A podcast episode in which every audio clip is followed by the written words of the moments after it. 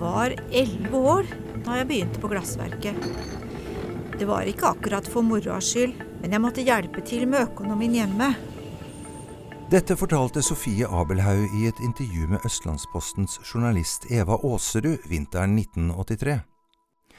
90-årige Sofie kunne fortelle om hvordan hun som 11-åring løp i skytteltrafikk mellom glassblåserne og kjøleovnen med nyproduserte flasker på Larvik glassverk. Egentlig var hun for ung til å jobbe der. Fabrikktilsynsloven fra 1892 forbød barn under tolv år å jobbe i industrien, men reglene ble ofte omgått, og på glassverket jobbet det barn helt nede i åtteårsalderen.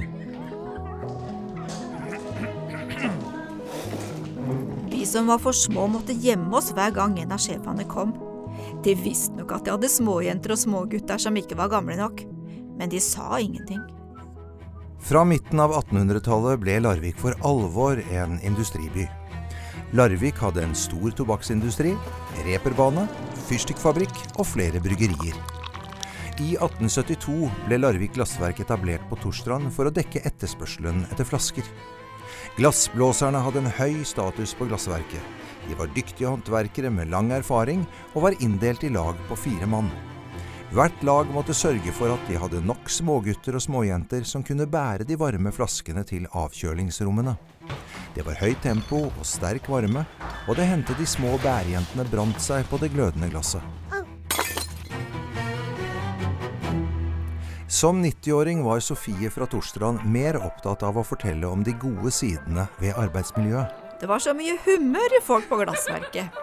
Av de tingene jeg liker å tenke på, er kameratskapet. Brannsår og sånt er glemt. Sofie Abelhaug fortsatte i jobben på glassverket også etter at hun ble gift og fikk barn.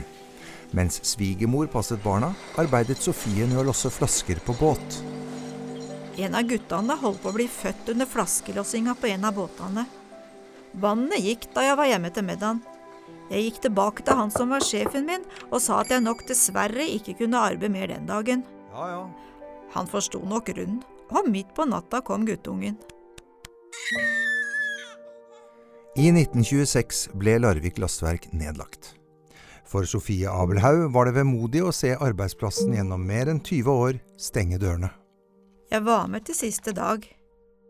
Det var med en underlig følelse at jeg tok farvel med arbeidsplassen. Følelsen er der i dag også. Og da brakka borti gata her ble revet, føltes det som om noe av torsdagens nerve forsvant for godt.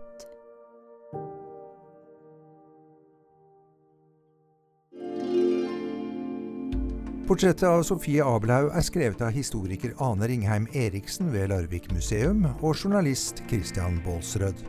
Illustratør er Christina Dissington. I rollen som Sofie Abelhaug hørte vi Mette Bamrud fra Larvik Teater, og som forteller Geir Atle Johnsen, som også har ansvaret for lyddesign. Følg oss gjerne på Facebook, Larvikspodden Ropert eller Vi350. Du finner også Larvikspodden på Instagram. Ansvarlig for podkasten er Foreningen Ropert I studio Kjetil Wold. og Geir Atle Johnsen. Produsent Virvel AS. Skål!